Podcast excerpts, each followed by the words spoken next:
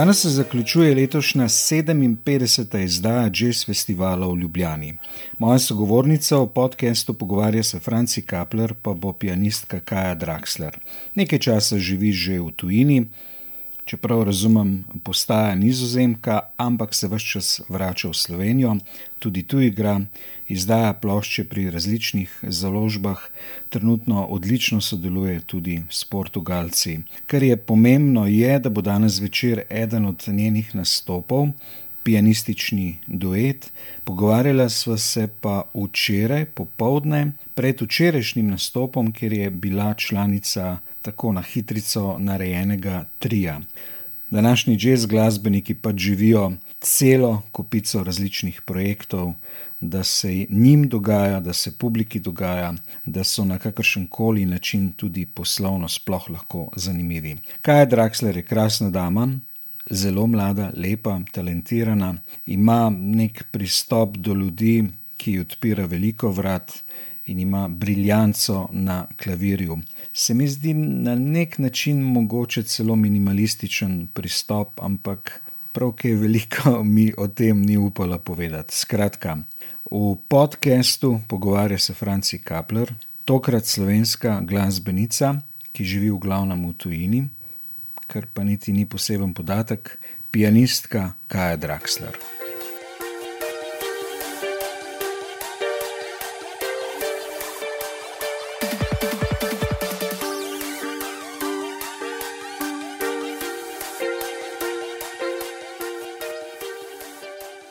Ja. Se še ni zgodilo, da ne bi začel podcast s tehnično napako. Koliko je tehnologija za umetnike pomembna?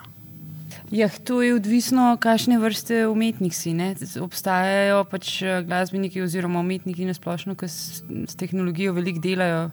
Obstajajo tudi tisti, ki so bolj za akustiko ali pa ki pustijo drugim, da se ukvarjajo s, s tehnološko stranjo. Ja, no, jaz sem med to skupino ljudi. Da, mislim, je sigurno, kaj pa je s tem? Tako hecno je, tega, ker v bistvu vsi ti tehnološki dosežki na nek način ful stvari odprejo, na nek način pa tudi stvari blokirajo. Tako da ne vem, zdaj veliko ljudi začeli že snemati nazaj vinilke, pa analogno, pa tako ne.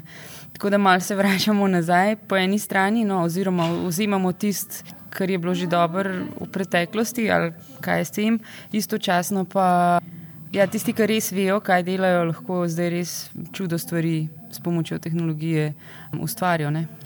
Vprašanje sem zastavil, kaj je Draxler, gostja v podkastu Pogovarja se Franci Kaplerje. Ker je bilo prvo vprašanje tako neverjetno pametno, ga bom sedaj ponovil. kar nekaj vas je že z glasbenikov, ki dejansko greste iz projekta v projekt. Včasih je kdorkoli med jazz glasbeniki, recimo 60-70 let, iskal dva, tri glasbenike, potem pa z njimi nastopal leto, dve, celo več. Nekateri kvarteti so glede tega neverjetno znani, Miles Davis je imel dva, John Coltrane ga je imel. A je v bistvu tako v teh časih, da vi tega sploh ne res ne morete v resnici? Ja, mislim, da ne moramo. Ne. Mislim, da je to. Mislim, to po mojem sploh nobenemu ne pamet ne pade. Mislim, še te, ki so recimo, ne vem, The Bad Plus ali pa to, ajde, oni so trio že full dolg časa, ampak imajo še vseeno vsi druge projekte zraven, ne gre, da bi oni zdaj samo ti trio furali okrog.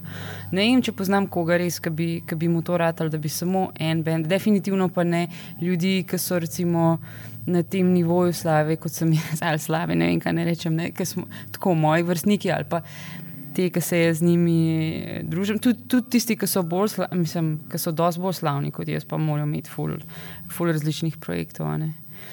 Ne, ja, te časi so malo mimo, nažalost, res. Kaj pa snemanje plošč? Prej smo omenili tehnologijo v tem tudi nekoliko negativnem aspektu. Se mi zdi, da zaslepi mnoge ljudi, tako kot so včasih, recimo, tračnovice zaslepile ljudi, jih sedaj fascinira tehnologija. Ampak kaj pa snemanje plošč, kvaliteta snemanja, recimo, kakšne pogoje imaš vplivati na uvitek. Na, recimo, če bi hotela izdati vinilko, a bi lahko zahtevala 200 gramsko, kakšne imaš dejanske pogoje znotraj, bom rekel, pod narekovaji glasbene industrije?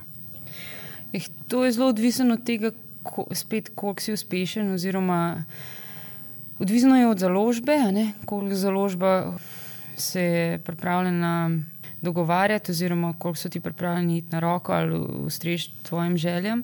Odvisno je pa tudi čisto od, od realnih možnosti. Mislim, zdaj, če jaz bi z veseljem eno posnela, recimo, LP ploščo, ampak če sem čisto poštena, ne vem, če bi v resnici bilo za dost kupcev, da bi to potem odnesli domov. Poleg tega je recimo precej. Um, katastrofalno potovati z LPI-ne okrog po prtlagi. Mislim, čisto take praktične stvari so malo teže. Pač tisk je zelo drag, je za zelo izbran krok ljudi, ki bodo to kupili. Čeprav že CD-ji so za izbran krok ljudi, so samo še za une ljubitelje, ki res hočejo imeti nekaj fizičnega doma, pa pač za programerje ostalo. Pa, ne vem, tako malo romantična ideja teh vinilk, ampak no, meni je še vseeno všeč. Ampak ja, no, ne vem, res je odvisno od tega pri kakšni založbi izdaš. Jaz do zdaj sem imela zelo dobre izkušnje, vsaj kar se tiče tega, da sem lahko povedala, recimo, da sem lahko sodelovala vedno z, pri.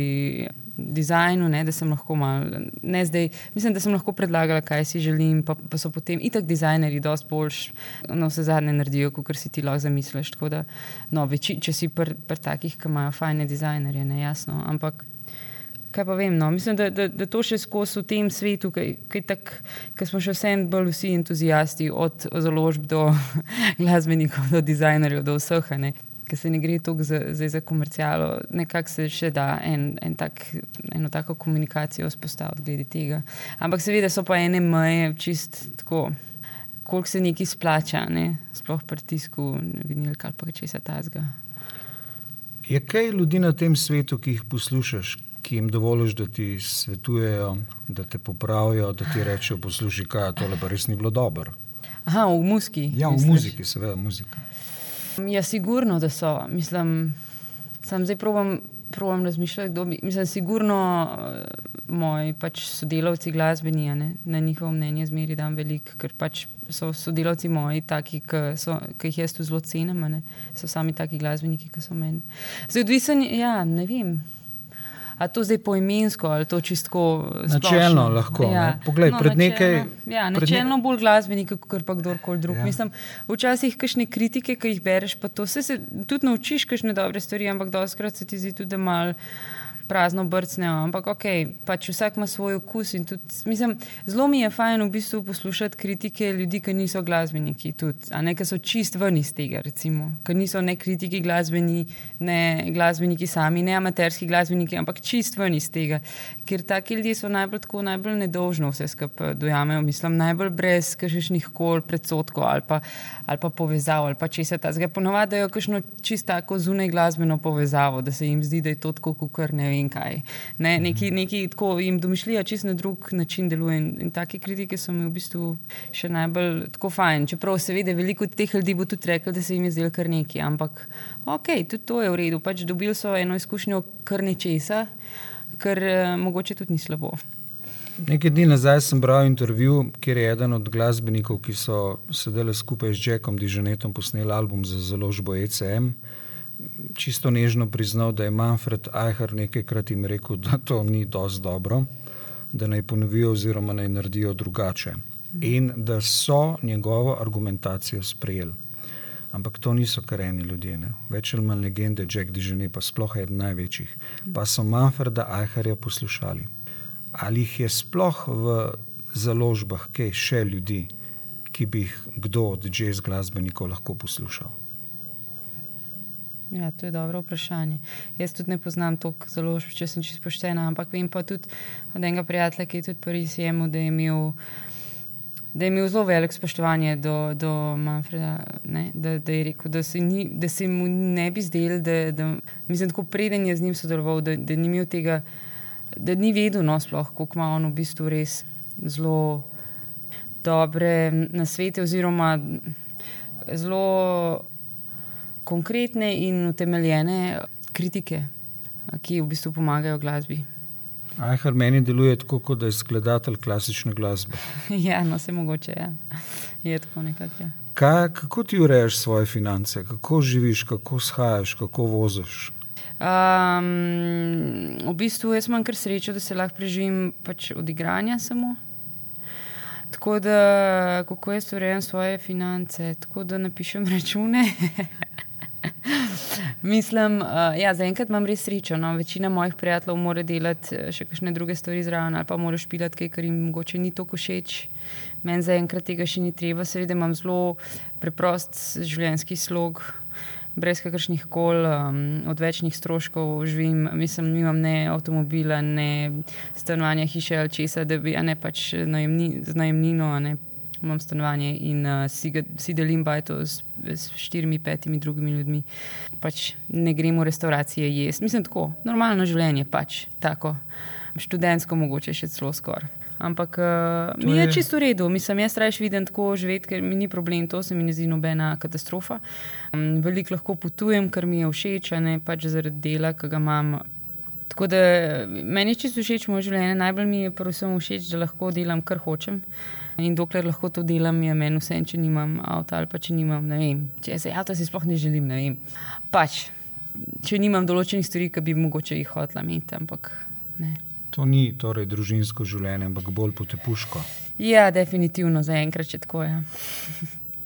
Slovenski jazz glasbeniki se med sabo precej dobro poznate. Mm -hmm. Tak je vsaj vtis. Tudi včasih slišim mnenje koga od drugih, ampak ne vidim pa nobenega Kaja Draxler kvarteta iz slovenskih glasbenikov. Samo Šalamon bi bil recimo kitara, ti klavir, piano. Za ostale inštrumente je pa v bistvu kar veliko kandidatov. Glede na to, da se poznate, da se cenite, da se velikokrat srečate, veliko se srečujete, ne, bi bilo logično, da bi to lahko naredili, oziroma tudi zmogli narediti, ampak da namenoma nočete. A je kakšna racionalna razlaga tega, da tega ne naredite? Ja, jaz drugače igram občasno z Drašlerjem, ne z bratom, z bratom Drašler. To je mogoče edina taka povezava, ki jo imam od slovencev zdaj, trenutno. Pa pač z Juritom Puklom so tudi igrala skupaj, pa tako naprej. Ampak ja, razumem, kaj hočeš reči. Ne, jaz ne živim 11 let v Sloveniji. To ni, to ni kraj, kjer jaz delam. Jaz delam na nizozemskem, jaz imam tam glasbenike in jaz z njimi delujem. Mislim, mi, mislim, vsi projekti, ki jih nimam na nizozemskem, so se nekako zgodili tudi spontano, ne, da niso recimo glasbeniki, ki bi tam živeli. Ampak jaz, meni je važno, da jaz delam z ljudmi, ki jih vidim redno, z ljudmi, ki pletemo neko skupno zgodbo. Tako, ne vem, tako da me se bi zdaj, da bi igrala slovenci, zaradi tega, ker so slovenci, se mi zdi malo neumen in mogoče se tako zdi tudi drugim, ki živijo v tujini. Pač igraš z ljudmi, ki jih imaš v, v svoji okolici, ki, ki jih vidiš, s katerimi lahko redno vadiš in tako naprej. Zdaj, ne vem. Pa, mi je pa fajn, mi je pa vedno fajn igrati slovenci. Mislim, ni da zdaj ne bi hotla ali kar koli, ampak pač ne zgodi se, ker se ne zgodi, ne vem, ker ne nanese tako. Umenila si nizozemsko sceno, ampak so še druge. Ne samo, da je velika razlika med recimo, obema obalama Amerike in različne države v Evropi, so tudi založbe so med seboj izredno različne. Mhm. Če greva najprej na scene, se ti ne zdi, da je recimo jazz v Italiji čisto nekaj drugega kot v Franciji, spet Anglija, v bistvu ne vem sploh, kaj oni počnejo, ampak v Nemčiji pa poznam dobro, se mi zdi fantastična scena, v Ameriki isto, ta newyorški del. Kako si pa kot glasbenica to doživljala? Priješ v nek kraj, pa kar naenkrat je čisto drugače. Mislim, uh, ne vem, kaj naj odgovorim na to. Kako sem to doživljala? Ja, ne vem, neke, do neke mere najbrž, a to misliš, da igram koncerte, pa pridem nekam drugam. Ja, do neke mere itak začutiš, koliko je ljudem všeč kako bi ljudem lahko potencialno bilo všeč to, kar ti delaš. Če si v Berlinu, ok, že Berlin sam ima cel kup enih različnih scen. Si lahko predstavljaš, da bo jim en del tvojega igranja všeč, en drug del mogoče ne, ali pa da jim nič od tega ne všeč, ali pa vse. Ampak mislim. Kaj pa jaz vem? Zelo odvisno je v bistvu, se mi zdi, od tega, kam prideš igrati, v smislu, kakšen prostor je, v smislu, koliko organizatori skrbijo za svoje obiskovalce, kakšno vzdušje ustvarijo za njih. Ker prostori, ki imajo dobro energijo, oziroma ki organizatori res vejo, zakaj te povabijo špilati tja in, in uh, ki imajo svojo klientelo in ki tudi oni vejo, da bojo zmeri slišali nekaj dobrega ali pa nekaj, vsaj kar jim bo približno všeč. To so čisto drugačni prostori, kot pa kakšni, ki jim je pač vse en, kaj programirajo ali pa tako mal. Mal tega, malo unga, ali tako. No. Tako da se mi zdi, da je bolj, od, bolj kot od države, igranja ali pa od, od mesta, odvisno to, kakšen, v kakšen prostor prideš. Je pa res, ja, da so določeni, mogoče včasih se čutiš, da imaš neko da je neka teža na tem, da igraš v določenem kraju, ki ima močno tradicijo določene, določene veje improvizacije. Recimo. Čeprav zdaj, če so ti ljudje prišli te poslušati, niso prišli poslušati zato, da bodo slišali nekaj, kar že lahko doma slišijo, ampak da bodo slišali nekaj, kar ne poznajo, oziroma kar, jim, kar je drugače. Tako da po tej strani v bistvu. Ja ne vem, fajn je v bistvu igrati v kakšnih vasicah ali pa v kakšnih krajih, kjer ljudje v bistvu nimajo zelo velik stika z musko ali pa kjer imajo stik, ampak samo enkrat na mesec, recimo, ko se ta čuden dogodek zgodi in potem vsi pridejo oči z odprtimi ušesi poslušati. Mislim, taki placi so nekako najbolj, najbolj lušni, ker tudi najbolj iskreno reakcijo dobiš nazaj. Tudi, um, Tako, mislim, ljudje, če so lahko preprosti, pa to najemno. Mogoče zato, ker sem tudi iz kmetov, pa mi je preprostost še kar važna. No. Ampak tu smo deloma tudi pri vprašanju, kaj je jazz glasba. Ne, to, kar si sedaj povedala, pove marsikateri glasbenik ali pa gledališki igralec, uh mhm. -huh. tudi oni gredo radi v takšna ruralna okolja. Je v Ameriki jazz čist nekaj drugega kot v Evropi, se mi zdi. Celo drugače, čeprav bo čudno slišalo, ampak se mi zdi, da jazz glasba v Avstriji drugače, drugače zveni kot v marsikaterem kraju v Nemčiji. Ja, to je sigurno, ampak to zdaj ti govoriš bolj o straight-ahead jazzu ali o ja, čemkoli. Vse variante, ampak zanimivo je, kako en mlad jazz glasbenik, jaz te imenujem za jazz glasbenika, ne, kako v tem času, ne, včasih bi bil to klub. Pa mogoče sto ljudi, ki pijejo, in tako naprej. Uh mhm. -huh. Zdaj pa to čisto drugače. Recimo Lincoln Center, ne, To je skrajno elitni nastop, tudi Sankar je v resni, v resnici je elitni mm -hmm. nastop. Yeah. Ja. To je nekaj drugega kot klub ali pa v Mersu, velik jazz festival, mm -hmm. 10 tisoč ljudi. Yeah. Ja. Zelo je drugače, kam prideš. Ja, ja, definitivno. Ne? A se ti zdi, da je možno po teh letih, kar si že uh, glasbenica, dati kakšno oceno tvojega izobraževanja? Še posebej tisti del me zanima, kako ocenuješ slovensko glasbeno šolo ker je Slovenija, ne vem, če to v resnici veš, glede glasbene šole fenomen. Namreč v Evropi ni nobene države, v kateri bi toliko otrok se upisalo v glasbeno šolo. Tudi v Avstriji se v glasbeno šolo upiše manj otrok. Se pravi, je odstotek otrok, ki se upišajo velikanski, posledica na koncertu v Cankarem domu je pa enaka nič.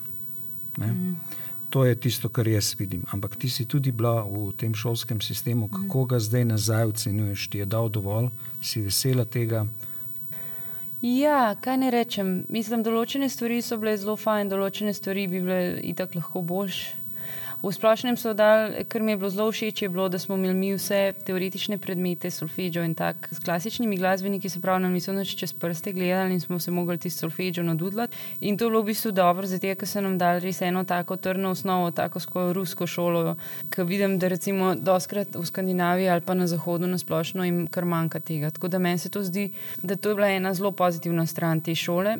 Je pa res, da kar se tiče praktičnosti, oziroma kar se tiče spodbujanja kreativnosti, spodbujanja ene unikatnosti, tega pa niti ni bilo tako dosto, oziroma je bilo šlo mišljen tako malo, malo je bilo tako skoraj zasmehovano. Če si hotel nekaj drugačnega delati, nekaj, kar ni bilo glih, kar so si oni predstavljali, da je jazz.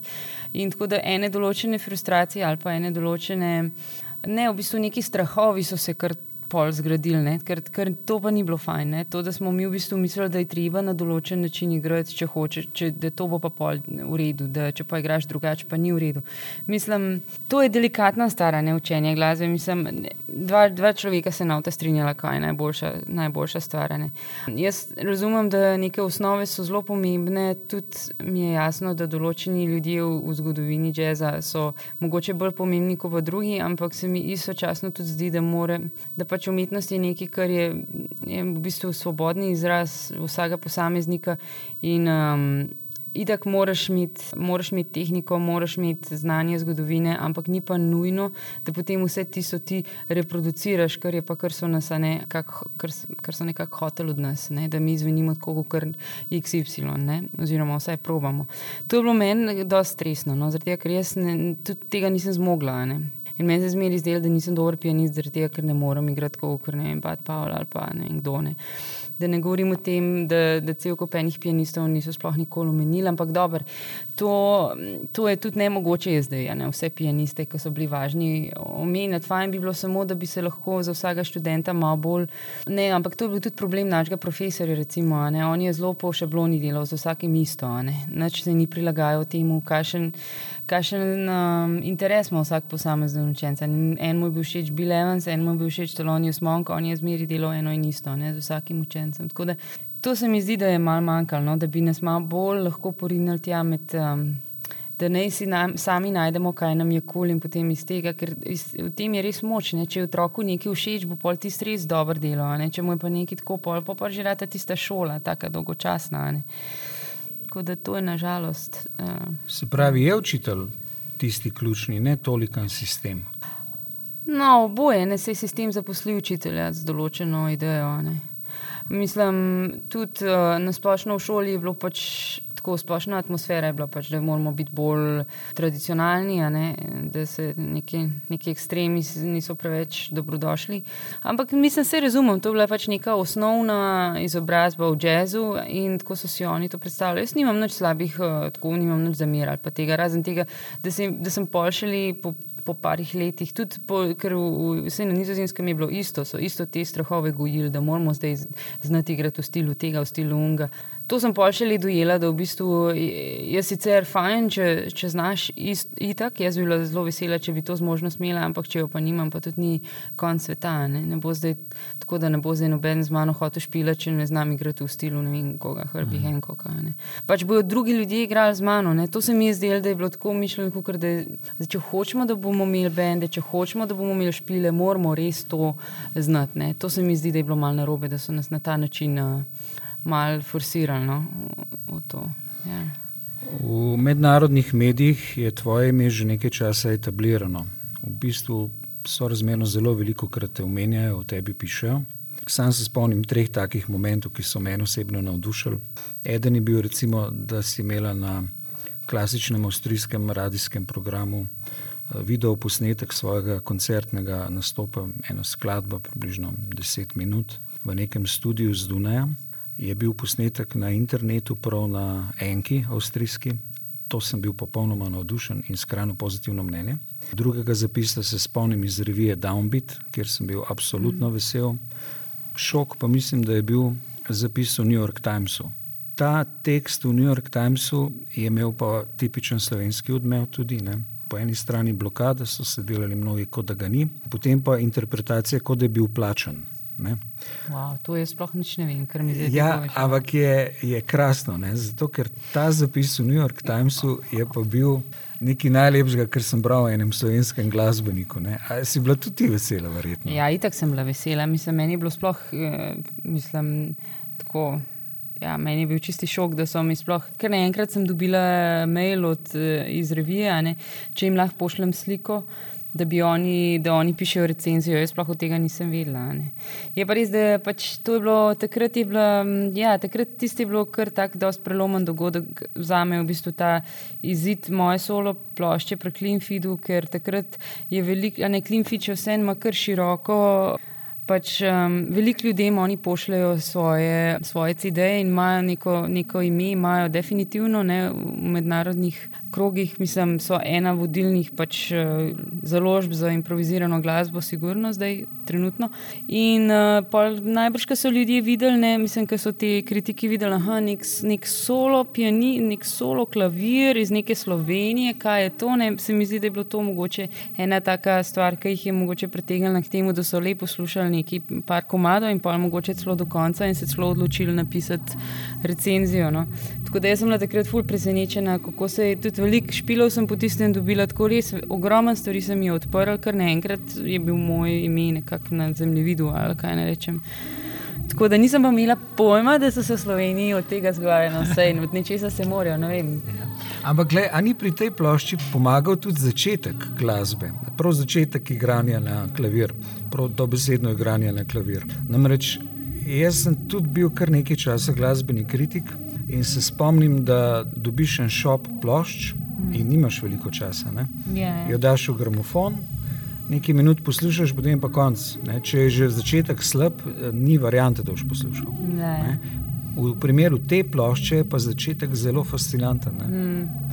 Ja, pa jaz nisem niti na tega razmišljala, res ne. Mislim, itak posnameš CD za eno zgodbo, glasbeno v glavi in razmišljaš, zdaj, kjer komat boš dal prvi, da ga bojo kritiki poslušali do konca ali pa sploh, da ga bojo poslušali, ne vem. Tiste prvi komat je bil tudi nasloven komat CD-ja in to je bila ena zelo močna ideja, ki sem imela jaz takrat, ko sem v času, ko sem v bistvu pisala skladbe, ki je bila v bistvu o tem, da sem se jaz probala uživeti v ljudi okrog sebe, ampak ne samo, a ne, mi živimo glasbeniki malo v enem takem mehurčku, a ne, vsi smo tako fajna, mislim, tako fajna družina smo, pa vsi smo z mir na svetu, pa vsi smo ne, tako dosti podobni v razmišljanju, v politični naravnanosti in tako naprej. Ampak, eh, valjda, svet nismo samo mi, ne, svet je v bistvu vse, ampak mi, mislim, mi smo tako en čezmečken mehurček, ne, in se zdaj v bistvu. Doskrat eh, sem sedela vem, na avtobusni postaji ali pa na vlaku ali pa na letalih, a ne tega itak je ful v našem svetu, pač sedenja in čakanja. In pač skušala predstavljati, kakšna so, so življenja drugih, o čem razmišljajo, kdaj ostanejo, kaj jejo, kaj si mislijo, če se jih je strah, zakaj so jezni, zakaj so veseli, žalostni čistko si neke take zgodbe v glavi predstavljati. In zaradi tega je naslov CD bil The Lives of Many Others. In ta prva skladba je za me pač predstavljala različne življenja in eden zraven, eden zraven drugega. Tako prav zelo. Um, tako, dosta programska v bistvu je ta, ta prva skladba. Prav tako sem si predstavljala najprej ne vem, neka tovarna, potem neki ljudje na cesti, potem neka narava, potem ne vem kaj. Ne, tako, zdaj se ne spomnim čistočen, ampak približno tako je bilo. Tako da jaz sem v bistvu zaradi tega ta komat pol tudi te prvi, ker se mi je zdelo, da to bo nekako nekak povzame vse, po tistem pa pol ajde gremo dalje, pa, pa druge zgodbe poslušati. Ne. Ravno kar smo imeli v zadju eno staro slovensko ja. popevko. Zanimivo je, koliko pa na te, toliko mlajše sine, še lahko vplivajo slovenske popevke, sploh slovenska glasba, glede na to, da si že toliko časa v tujini, še slišiš to tožno melodijo, ki je tako rekoč v zadju skoraj vsake slovenske pesmi. Ja, v bistvu mislim, sigurno, da je ja, na nek način čisto podzavestno, sigurno, da je. Ja. Zaradi tega, ker recimo že tako imam zmeri problem s tem, ker ponovadi napišem čisto preveč balad in ne dosti hitrih ali pa takih bolj veselih komarov. Ampak to ne iz tega, ker bi bila jaz žalostna ali pa kar koli tazga, ampak zato, ker tako slišim in najbrž ima del. Del razloga, zakaj tako slišim, je to pač moje, ne, pač origin, no? kaj je to moja korenina. Korenine. Ker pa mi je to zanimivo, je pa to, da zdaj smo imeli na obisku. Um, par, mislim, jaz sem, jaz sem bila na turneji z šestimi prijatelji, tri iz Latvije. Dva iz Belgije, eden iz Nizozemske, in smo prišli tudi v Slovenijo. In po tistem, ko smo bili mi v Sloveniji, so mi prav tako povedali, da ja, zdaj pa zastopimo tebe, pa tvojo, tvojo glasbo, ki smo videli zdaj vse te gore, pa gozdove, pa reke, na sočo smo šli raftati, pa takane. Tako prav um, so rekli, da se jim zdi, da je ful povezan to, kako jaz igram s tem, kaj so oni v bistvu v Sloveniji videli. Tako da jaz niti od tega ne razmišljam več, ampak siguren je pa nekje ne, v podzavesti, je siguren to shranjen in pride ven prek muske, sigurno. Ja, ne bom prebral vprašanje, ampak v bistvu gre za vprašanje zvoka ali pa stila posameznega umetnika. Če je Miles Davis pihnil, si točno vedel, da je Miles Davis. Večina glasbenikov jazz glasbe pravi, da iščejo svoj zvok, se pravi, na vsak način bi radi prišli do unikatnega zvoka. Jaz ga pri tebi slišim, ker sama igraš. Recimo ta plošča, ki si jo prej omenila, se mi zdi Kaja Draxler. Uh mhm. -huh. Pri ostalih ploščah ne, je pa čisto drugače. Celo se spomnim pri enem koncertu, celo tukaj je bil nekje v Ljubljani, se mi je zdelo, da lahko pa da je bilo zvočene za nič, ne vem, ne? Uh mhm. -huh. da si bila zelo, zelo tako v zadju, da si kar drugim pustila naprej. Kako je s tem zvokom? Kader si sama, se mi zdi, bi že nekako znal vedeti. Ne? Uh mhm. -huh. Ampak kot nek kvartet, jazovski, Kako je pa s tem zvokom? Ja, mislim, tako, tako se. Zdaj, ni, ti nikoli nisi mogoče, ali pa nobeden od nas ni slišal malo zdaj visolo koncerta. Ne? Solo, če bi samo on igral, Ja. to res ne. Drugače no. sem ga pa nekajkrat No, slišal. ampak- veš. No, to že, ampak. A veš, kaj hočem reči? Ne? Da, da v vsakem primeru ti, ki si znotraj ene skupine, ali pa kadar si sam, ali pa si znotraj ene druge skupine, vsakič se ti bo zvok malo spremenil. Ti, no, tudi odvisno je od človeka, ampak meni se zdi to dosti pozitivno, da ti v bistvu se prilagodiš situaciji. Zdaj, če vsi okrog tebe ful špilajo, pol ne boš ti še špil. Mislim, tak je moj pristop, pol mene ne rabite zraven. Zakaj? Bom jaz počakala, ne, da kadar bo treba, bom pa zaigrala. Mislim, jaz imam tako, se ne obremenjujem preveč s tem, da zdaj rabim imeti nek svoj zvok. Mislim, ker se mi zdi, kot prvo, sem še dosti mlada, da se s tem ne rabim obremenjevati, ker zdaj lahko še sprovavam različne stvari. In se mi zdi, da dosti ljudi, ki so najdel svoj zvok, ratajo dolgočasni. ne. Zaradi tega, ker polsko se eno in isto okrog obračajo in se ujamejo v tisti svoj zvok in pol samo sami sebe, sami sebe eh, reproducirajo. Mislim, jaz recimo. Če povem čisto po pravici, recimo Brad Meldo ali pa recimo Keith Jarrett ali pa dosti teh, eh, Chick Corea recimo, dosti teh ta glavnih recimo jazz pianistov se mi zdi so najboljše plate bile, ko so bili oni mladi. Potem pa so nek svoj zvok dobili in potem so se samo ponavljali, ponavljali, ponavljali in vsak CD je bil isti. Jaz tega ne rabim slišati, jaz hočem slišati vsak nekaj noga. Dobro, mogoče nekdo drug pa hoče slišati to na novo, pa na novo, pa na vsakič na drug standard, ampak to meni nekako ni prioriteta. Tako da zaenkrat pa res sploh ne, zaradi tega, ker pač zaenkrat lahko jaz plavam naokrog in vidim, in vidim, kaj mi je všeč, kaj mi ni všeč. Ne vem, mislim, jaz definitivno spoštujem to, da imajo ljudje svoj prepoznaven zvok in da imajo, ne, ampak se, je, se mi zdi, da je to zelo tenka meja med tem, da se pol ujameš v teh svojih klišejih in ne greš ven iz tega. Ne, tega se pa jaz, če pa še kaj, se pa bolj tega bojim, kot pa tega, da, bi, da ne bi imela svojega zvoka. Ker sej, mislim, ne vem, se mi zdi tudi zanimivo, da si recimo v vsakem, sej tudi, ko smo z ljudmi med sabo, zdaj, ko se s tabo pogovarjam, ok, sem Kaja, ampak se na določen način pogovarjam z mojo, z mojo mami, sem drugače pogovarjala, z mojim fantom spet drugače, ne. Se smo zmeri mi, ampak zmeri se tudi malo prilagodimo glede na, glede na okoliščine, glede na energijo drugega človeka, glede na, na vse. Tako da meni se to zdi isto v glasbi. No. Ti glasbeniki, ki si jih omenila, je pa hecno, po drugi strani, ki Jared na nek način je kritika upravičena, po drugi strani je pa posnel ploščo eh, skupaj z Charliem Haydenom, Jasmine, če si jo morda slišala. Ki je pa ne daleč nazaj, ja? nekaj let nazaj. To je izredno komercialno uspešna plošča, ampak fenomen te plošče je, da je vrhunska, kljub temu, da ni nič posebnega. Ja. Kako je pa to, da lahko narediš nekaj popolnoma normalnega, pa je tolikšna harmonija, tolikšna lepota, da človek, tudi če vse čas posluša avantgardne glasbenike, reče: Wow, kako je to lepo. Pa je najbolj normalno, kot je sploh lahko normalno. Ja, mislim, se to se gre za, za, pač za mojstre. Mislim, da je to odgovor. No? Mislim, da če si enkrat na tem nivoju, potem ja, definitivno lahko narediš vsako simpel stvar zelo posebno. In jaz tudi nisem rekla, da mislim, jaz še vsem si dam kit žereta, kdaj gor za poslušati, ampak kar mene bolj fascinira, so še vse njegove bolj zgodne plošče, kot pa bolj pozne plošče. No, to sem hodila reči. Mislim, da je to zelo taka, kaj bi rekla. Jaz nimam, nisem na mestu, da bi ga sploh lahko kritizirala. Mislim, jaz, ne, jaz, sem, jaz sem tako čist sama zase. Jaz pač to opazim in, in si rečem, da tega pa jaz ne bi želela, pa ne, da se jaz sploh z njim primerjam, sploh, ker nikoli ne bom, to, ne, mislim, to ni primerjave, ne sploh. Ampak ja, no, zdaj sem malo zašla, ampak. Ampak ja, si, si mojstri. načela nek uh, moment, ki je pa pomemben. Ne? Človek se tudi spremenja. Ja, ja. Ne? Pri 15, 20, ne? drugače poslušaš kot pri 30, 50. Ja, definitivno. Zelo različna izkušnja je lahko tudi eh, izkušnja iste glasbe. Ne? Mhm, definitivno, ja. Mhm. Se pravi, je nekaj v pogledu posameznika. Ne? Sigurno, vse je v pogledu posameznika, mislim, vsakmu nekaj drugega paše. Kako je pa s strastjo do glasbe? Mene recimo ne mine, pa se včasih potrudim, pa, pa mi ne rata. Kako pa bi lahko tebe sploh minil, moš pa le toliko ur na dan igrati, trenirati, ne trenirati, to je grda beseda, vaditi, ne? toliko potovati, toliko se truditi, za vsak koncert se boriti. A kako je s tem, če me kaj mine ali kaj? Ja, človeka mine ne, ta strast do glasbe, kako je s to strastjo. Meni se zdi, da je ne mogoče uničiti, da, da bom prej jaz umrl kot ona. Mm. Ja, ne vem. V bistvu včasih mi je že vsega malo dost, ampak pol vem, da je to sam pač moment in da bo to prešlo. Tako da se ne ukvarjam preveč, mislim, se ne, se ne sekiram preveč, če se če kdaj dosti vsega. Mislim, se pač zgodi, si prinasičen.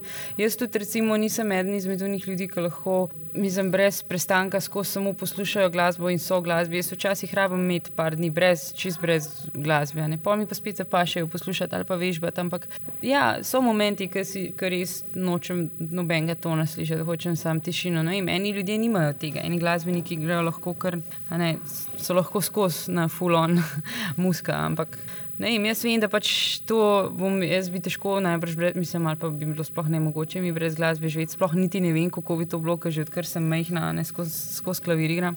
In je to tako nekaj samoumevnega, da sploh eh, si ne razmišljam o tega, kako bi bilo, če tega ne bi bilo. Ampak ja, vem pa, da če me včasih, če me včasih mal dosti, da to, to je sam muha enodnevnica, da to bo šlo preč hitro.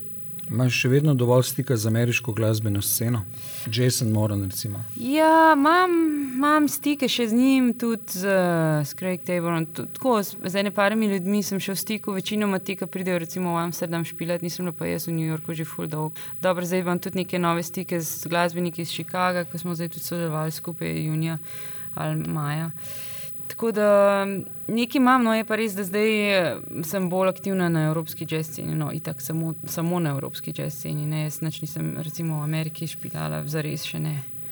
Tako da bomo videli. Bi pa rada, no, mislim, veliko velik glasbenikov tam je zelo ljubih, tako da bi z veseljem s kakšnim od njih kakšen projekt naredila, ampak ne bi pa rada, da, se, da je to nek long distance relationship, jaz bi rada, ne, da, se, da se ustvari bend, da delamo skupaj in da se In če bo pač priložnost, se bo zgodil, če ne bo, se ne bo, nimaš kaj, je kar je. Ne? Mislim. Imaš letos, recimo, do konca leta načrte narejene, plošče, koncerti, turneje? Ja, do konca leta že je več ali manj. No.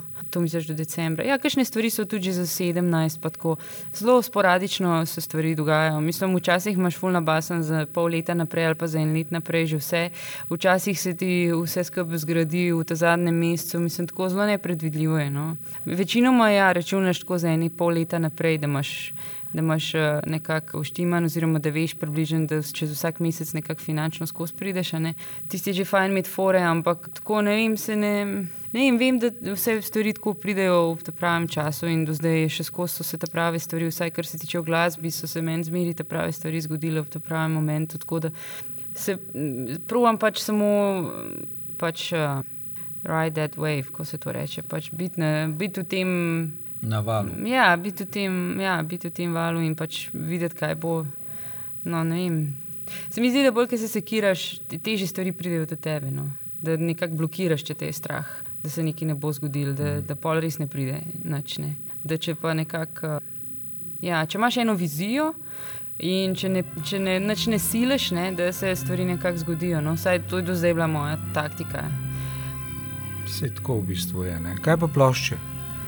Misliš, plani za naprej? Recimo, čeprav je to tako strokupitno vprašanje, ne, sem ne, se hotel izogniti. ne, ne, v bistvu, no, danes bo, ne, jutri posnamemo z Evo, Talena in Duo. Tako da to bomo videli, ali bo izdali ali ne, odvisno od tega, kako bo koncert uspel. Ampak plan je, da se to pri Klimfidu izda ena od teh ne, iz serije Ljubljanski jazz.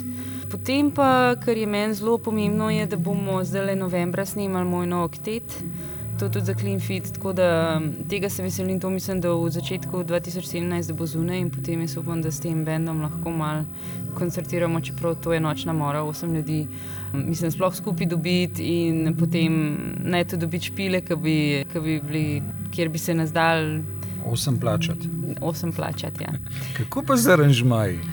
Osem ljudi, to si ja. predstavljam, je ogromno dela. Ne? Ja, neverjetno ogromno dela. Ja. Mislim, že od tega, da sploh vaje skupaj dobiš, da dobiš, da so vsi freji, da potem se zmeniš za, za prevoze, za nočitve, za hrano, za vse. Mislim, ja, to je kar, mislim, zdaj, ko smo imeli to turnejo, nas je bilo tudi sedem in smo tudi, eh, sicer smo bili trije, ko smo organizirali to eh, skupaj, trije izmed teh sedmih, ne. Ampak je bilo kar zelo naporno, tako da jaz še malo krivam v bistvu od te turneje in zdaj le sam še stisnem te dva koncerta in potem res ram malo počitenc, ker je bilo ogromno stvari. No. Že od lanskega poletja v bistvu je skozi sama furija, no. tako da se v bistvu res veselim počitnic. Kaja Draxler, hvala ti. Ja, hvala tebi. To je bila nasmejala ob koncu, to je dober znak, se mi zdi. Kaja Draxler v podkastu pogovarja se Franci Kapler.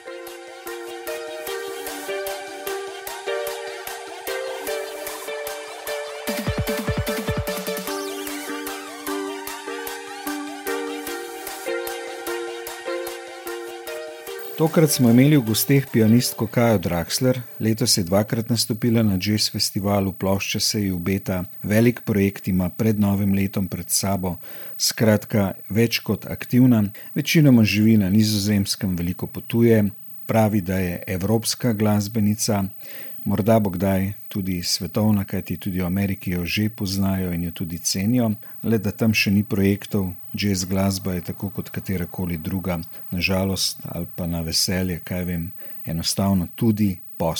Kaj je Draxler, torej v podkastu pogovarja se Franci Kapler, pokrovitelj založba Klopotec, tokrat tudi festival jazza oziroma jazz festival Ljubljana.